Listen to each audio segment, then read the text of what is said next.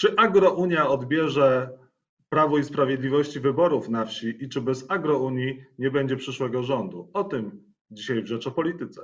Jacek Nizinkiewicz, zapraszam. Państwa i moim gościem jest pan Michał Kołodziejczak, Agrounia. Dzień dobry. Dzień dobry, witam pana, witam państwa. Dlaczego bez Agrounii nie powstanie przyszły rząd?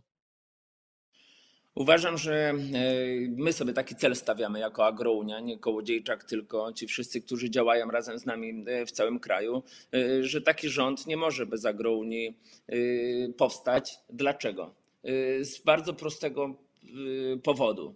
Agrounia, czyli my, rolnicy, ludzie, którzy utożsamiają się y, z takim prawdziwym ruchem ludowym, rzeczywistym, którego czujemy się też rzeczywistymi spadkobiercami. Spadkobiercami y, ruchów ludowych, ruchów solidarnościowych i reprezentantami y, tych wszystkich, którzy w Polsce bardzo ciężko pracują patrząc na tą dzisiejszą scenę polityczną, można sobie zadać jedno pytanie. Jedno pytanie: gdzie są ludzie, którzy reprezentują po pierwsze rolników, robotników, y, tą klasę pracowniczą nie ma.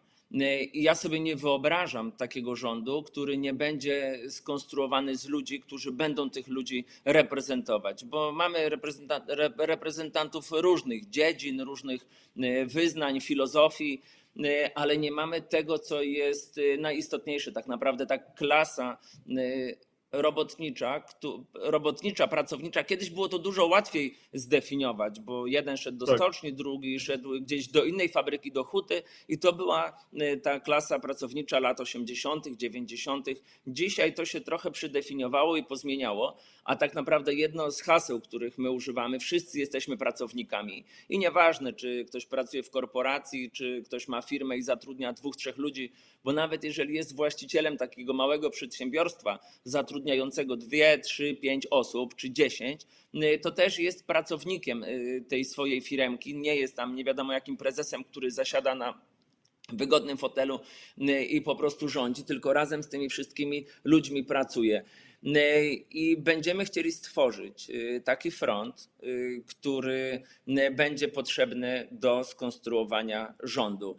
Chciałbym, żeby nasi ludzie odpowiadali za kilka ważnych dziedzin w następnym rządzie. Myślę, że już przyszedł na to czas. Mhm, czyli pan chce agro, z Agrounii zrobić partię. To będzie kolejna partia polityczna. I, I kto w skład tej partii wejdzie? Dzisiaj budujemy ruch społeczny w całej Polsce i to jest nasza największa siła. Budujemy ruch społeczny. Mamy związek zawodowy, który jest zarejestrowany, który też tak jak niektórzy powtarzają dzisiaj, że nam się to nie uda, tego nie zrobimy. Ja tylko powiem, że dużo trudniej jest w Polsce zbudować ogólnopolski związek zawodowy rolników niż partię polityczną. Do partii politycznej wystarczy tak naprawdę y, grupa osób, która działa y, w różnych terenach, nie jest to w żaden sposób opisane, związek zawodowy musi mieć strukturę przynajmniej w ponad połowie województw. I to jest też jedno z naszych zadań, by oprzeć nową politykę, budowę partii politycznej, o ruchy związkowe, o ruchy społeczne, o to, kto będzie tak naprawdę stanowił zaplecze. Jeżeli pyta Pan, z kim będziemy to robić, to ja już przedstawiam wizję, moją wizję zmieniania kraju, bo nie budowy partii politycznej to żadna firma, tylko moim, moim celem nie jest zbudowanie partii politycznej, tylko przebudowanie tego wszystkiego, co dzieje się w Polsce. Tak naprawdę niektóre rzeczy musimy zbudować od podstaw i nie zrobimy tego, jeżeli zapleczem partii politycznych czy ruchów politycznych nie będą związki zawodowe, nie będą ruchy społeczne, to czego nie zrobiła żadna partia polityczna, bo y, wektor tych zmian, które wprowadzał na przykład PiS, jest całkiem odwrotny niż te, o które mi chodzi. Oni związki, związki zawodowe czy ruchy społeczne bądź stowarzyszenia upolitycznili, rozwalili i nadali temu wektor tylko i wyłącznie w stronę e, partii politycznej, a to partia polityczna, to e, grupa, która rządzi, powinna zwracać się do związków, powinna je umacniać, powinna tworzyć prawo, by ludzie chcieli organizować się właśnie w takie swoje małe zespoły, które będą nazywane i w całym świecie są nazywane związkami zawodowymi, bo tak e, na przykład działa polityka na zachodzie Europy, gdzie gdzie fundacje, stowarzyszenia czy związki bardzo często współpracują z partiami, mając od nich konkretne wsparcie, ale nie mają, y, tam różni się to jednym elementem pewnie, nie wszędzie, bo tego też y, nie sposób, to też nie sposób wszędzie wprowadzić. Wszędzie są złe nawyki, ale zostawiając autonomię, zostawiając możliwość wyboru, zostawiając możliwość działania. Przecież spójrzmy nawet, jak działają dzisiaj największe związki zawodowe, te legendarne w Polsce. Jedne uzależnione od jednej partii, drugie od innej. Mnie się to nie podoba. Te partie powinny e, współpracować, działać, ale nie powinny zabierać e, podmiotowości. I to jest wielkie wyzwanie dać podmiotowość y, związkom zawodowym. Ale pan już kandydował w wyborach bez sukcesu. Dlaczego teraz miałby pan odnieść sukces i dlaczego związki zawodowe, które, którym jest dobrze przy na przykład Prawu i Sprawiedliwości, zwróćmy uwagę chociażby na Solidarność, miały pójść z panem? Y, panie redaktorze, może dobrze jest prezesom tych związków, ale nie ludziom. I to jest podstawowa Ale nikt się różnica. nie buntuje w tych związkach, nikt się nie buntuje w Solidarności Piotra Dudy. Tak? A ma pan e, takie informacje, panie redaktorze, bo ja mam inne. No nie mam informacji, ja mam... żeby się buntowali ludzie Dudzie w Solidarności. E, nie będziemy przedstawiać w tej chwili żadnych szczegółów ale widzę też, jak działa Solidarność. Tak naprawdę w ostatnich kilku miesiącach poznałem strukturę, jak zbudowany jest ten związek, z jakich y, składa się pionów czy zespołów, jakby to nie nazywać, i tam wcale nie ma zadowolenia. Tam są ludzie, którzy y, mówią, że Solidarność nie działa tak, jak powinna Y, że, że spotkania z politykami nie mają służyć tylko do tego, żeby y, wizerunek prezesa był ocieplony czy przewodniczącego, y, by uciszać ludzi, a ludzie tak się czują. Między, co to za związek zawodowy, który nawet nie ma prawa do strajku? Panie redaktorze, trzeba zdać sobie sprawę z tego, że na przykład związki zawodowe największych korporacji w Polsce, które są też, należą do Solidarności, są stworzone przez Solidarność, nie mają podstawowego prawa czyli prawa do strajku między, przeciwko swoim firmom, swoim pracodawcom. Pracownicy często wspominanej przeze mnie Biedronki, e, firmy Geronimo, nie mogą dzisiaj wyjść na pikietę przed siedzibę swojej firmy, bo się boją, bo względem prezesa czy przewodniczącego tego związku jest postępowanie karne wytoczone przez Geronimo. Y, to jest y, absurdalna sytuacja i za co takie postępowanie jest wytoczone? Za to, że rzekomo namawiał do strajku i rozdawał ulotki, y, które miały na celu właśnie mobilizować ludzi do strajku i do budowania własnej podmiotowości. To są związki zawodowe, to jest Solidarność. Ja nie wiem, czy Piotr Duda, bo według mnie on nie jest i nie powinien czuć się spadkobiercą tej Solidarności, która rodziła się w Polsce kilkadziesiąt lat temu. Tak naprawdę w wielkim trudzie, gdzie ludzie oddali życie za Solidarność. Czy to jest ta Solidarność, która ma nie oddawać trochę, y, trochę nawet własnego komfortu? Trzeba wyjść z tego pola komfortu. A ja widzę, że Piotr Duda nie chce wychodzić z niego i nawet nie chce więcej przywoływać tutaj jego imienia czy nazwiska, bo kiedyś zwracałem się do niego o pomoc, zwracałem się o to, by wypowiedział się na niektóre tematy. Co to za największy związek zawodowy w Polsce, który nie zajmuje głosu, kiedy inni demonstranci na legalnej, zgłoszonej manifestacji są potraktowani gazem bez żadnego uprzedzenia, bez gazem łzawiącym prosto w oczy. Tutaj mówię o mnie i o jeszcze kilku innych działaczach agrounii Y, kiedy, kiedy oni nie zajmują głosu. Y, nie o taką solidarność y, my wszyscy walczyliśmy, bo mówię tutaj o moim dziadku, którego pamiętam, który działał, który robił bardzo dużo, by te niezależne związki mogły być, funkcjonować i działać.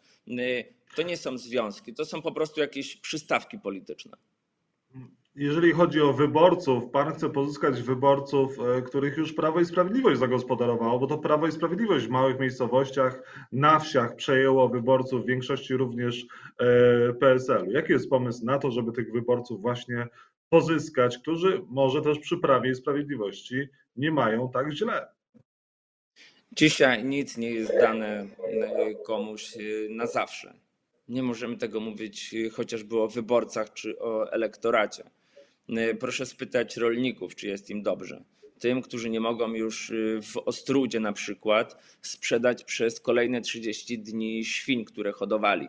Y, tym, którzy dzisiaj w nocy zawieźli symbolicznie obornik i banery pod siedzibę weterynarii, bo powiedzieli, że już nie mogą tego znieść i wytrzymać, jak państwowy lekarz weterynarii mówi rolnikom, że są brudasami i to wszystko przez nich, te, te choroby zakaźne i inne rzeczy na, naprawdę to nam wszystkim odpowiada, bo mnie się wydaje, że nie. I mnie się wydaje też, że Prawo i Sprawiedliwość umawiało się z wyborcami na coś innego, bo ja sam pamiętam, jak na wiecach wyborczych, jak posłowie jeździli po wioskach i się spotykali z wyborcami, z potencjalnymi wyborcami, mówili: Teraz w końcu będziecie mieć prawo y, do głosu, prawo do rozmowy, teraz będziecie mieć podmiotowość. To co to za minister rolnictwa, chociażby dzisiaj ten, z którym mamy najwięcej y, wspólnego, który od kilkunastu miesięcy nie chce z nami się spotkać? Co to za premier, który ucieka od grupy rolników, która stoi za płotem gospodarstwa, które ten premier odwiedza?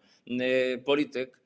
A, a co, to za lider, co to za lider agrounii, który ta, w takim e, wulgarnym języku wypowiada się publicznie na ulicach, e, w mediach? W taki sposób pan chce zwolenników do siebie przyciągnąć, mówiąc no, słowa, których ja tutaj cytować nawet e, nie śmiem.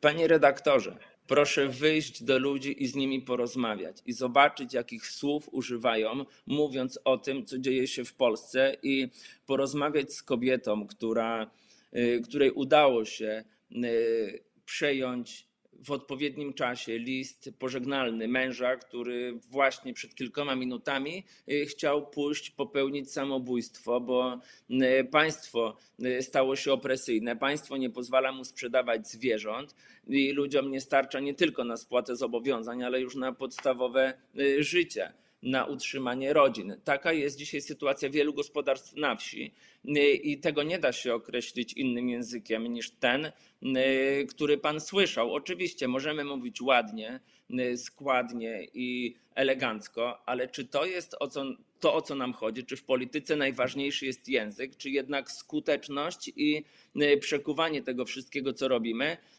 w robienie odpowiednich rzeczy? Czy może dla pana bardziej panu odpowiada taka polityka i wyborcom? Jeżeli tak, to w porządku, że dzisiaj politycy ostatnie dwa czy trzy tygodnie większość polityków spędziło na wakacjach i tam pewnie ładnie się odzywali. Czy ci, którzy zorganizowali wakacje ze swoją partią i też elegancko rozmawiali, uśmiechali się w garniturach do swoich potencjalnych wyborców, albo ci, którzy tak naprawdę nic nie robią i zapaśli się w ławach sejmowych i z tego lenistwa już im się wydaje, że nie mogą wiele, bo mnie taki model polityki się nie podoba. I to właśnie, to co pan widział na ulicy, to jest polityka, to jest pomimo tego, że nie mamy odpowiednich narzędzi, takich jak mają politycy, chęć rozwiązania problemów większości społeczeństwa. I nie można wysyłać dziennikarzy telewizji publicznej tylko po to, by oni w taki podstępny sposób chcieli zadać pytanie na temat 200 milionów czy jakichkolwiek pieniędzy, bo rachunek jest prosty. Z jednej strony dziennikarka mówi o 200 milionach, a na konferencji prasowej stoi kilkudziesięciu rolników, którzy tracą od kilkudziesięciu do nawet kilkuset czy nawet miliona złotych na ostatnim rzucie świń w swoim gospodarstwie w momencie, kiedy. Ostatnie, ostatnie, ostatnie pytanie, bo została nam minuta rozmowy. Proszę powiedzieć, a czy rolnicy są zadowoleni z tego, jak tarcze antykryzysowe im pomogły w czasie pandemii i czy się przygotowują na e, kolejny ewentualny lockdown i czwartą falę pandemii? Czy są przygotowywani? Dziękuję panie redaktorze za to pytanie, które jest bardzo istotne i też jest elementem tego, dlaczego rolnikom nie podoba się to, co dzieje się w kraju. Rolnicy są największą grupą y, zawodową w Polsce, która nie dostała pieniędzy y, z tarczy antykryzysowej. Są jakieś wybrane małe podgrupki, żeby tutaj nie ujmować y, rządowi niektórych hodowców, którzy dostali pieniądze, ale tak naprawdę duża ponad 90% rolników nie dostało ani złotówki z tarczy antykryzysowej. Ci, którzy wyrzucili swoje warzywa, owoce, którzy nie poradzili sobie z całą tą sytuacją, to dzisiaj jeszcze część rolników ponosi konkretne efekty lockdownu, sprzedając jabłka za 40 czy 50 groszy, które są, są już 10, 11 miesięcy w chłodniach schowane. To są właśnie te efekty, za które płacą rolnicy, i to jest właśnie ta przyczyna, dlaczego rolnicy nie chcą e, eleganckich e, słów, ładnych. E, miło już było. Miło już było, teraz y, będzie skutecznie i teraz będzie do samego końca. A mówiąc jeszcze o ostatnich wyborach, y, panie redaktorze, ja nie kandydowałem, nie startowałem. Y, Mimo bardzo dobrych propozycji z różnych opcji politycznych, nie zdecydowałem się na start w wyborach, bo moim celem jest wprowadzenie realnej zmiany i razem ze mną grupy ludzi do Sejmu, a nie tylko i wyłącznie wprowadzenie samego siebie, bo gdyby na tym mi zależało, to miałem do wyboru chociażby trzy, y, trzy frakcje polityczne, które dzisiaj są w Sejmie i miejsce, które y, gwarantowało y, moje, moje wejście do, do Sejmu. Więc To prawda, to były propozycje, były propozycje, były, były propozycje kandydowania. Pan z tych propozycji jednak nie skorzystał. Były propozycje współpracy Agrounii. No teraz Agrounia idzie sama. Zobaczymy, jak to się skończy. Michał Kołodziejczak był Państwa moim gościem. Porozmawiamy o tym wszystkim, co się dzieje jeszcze nie raz. Dziękuję bardzo za rozmowę. Do zobaczenia, do usłyszenia. Dziękuję, pozdrawiam pana.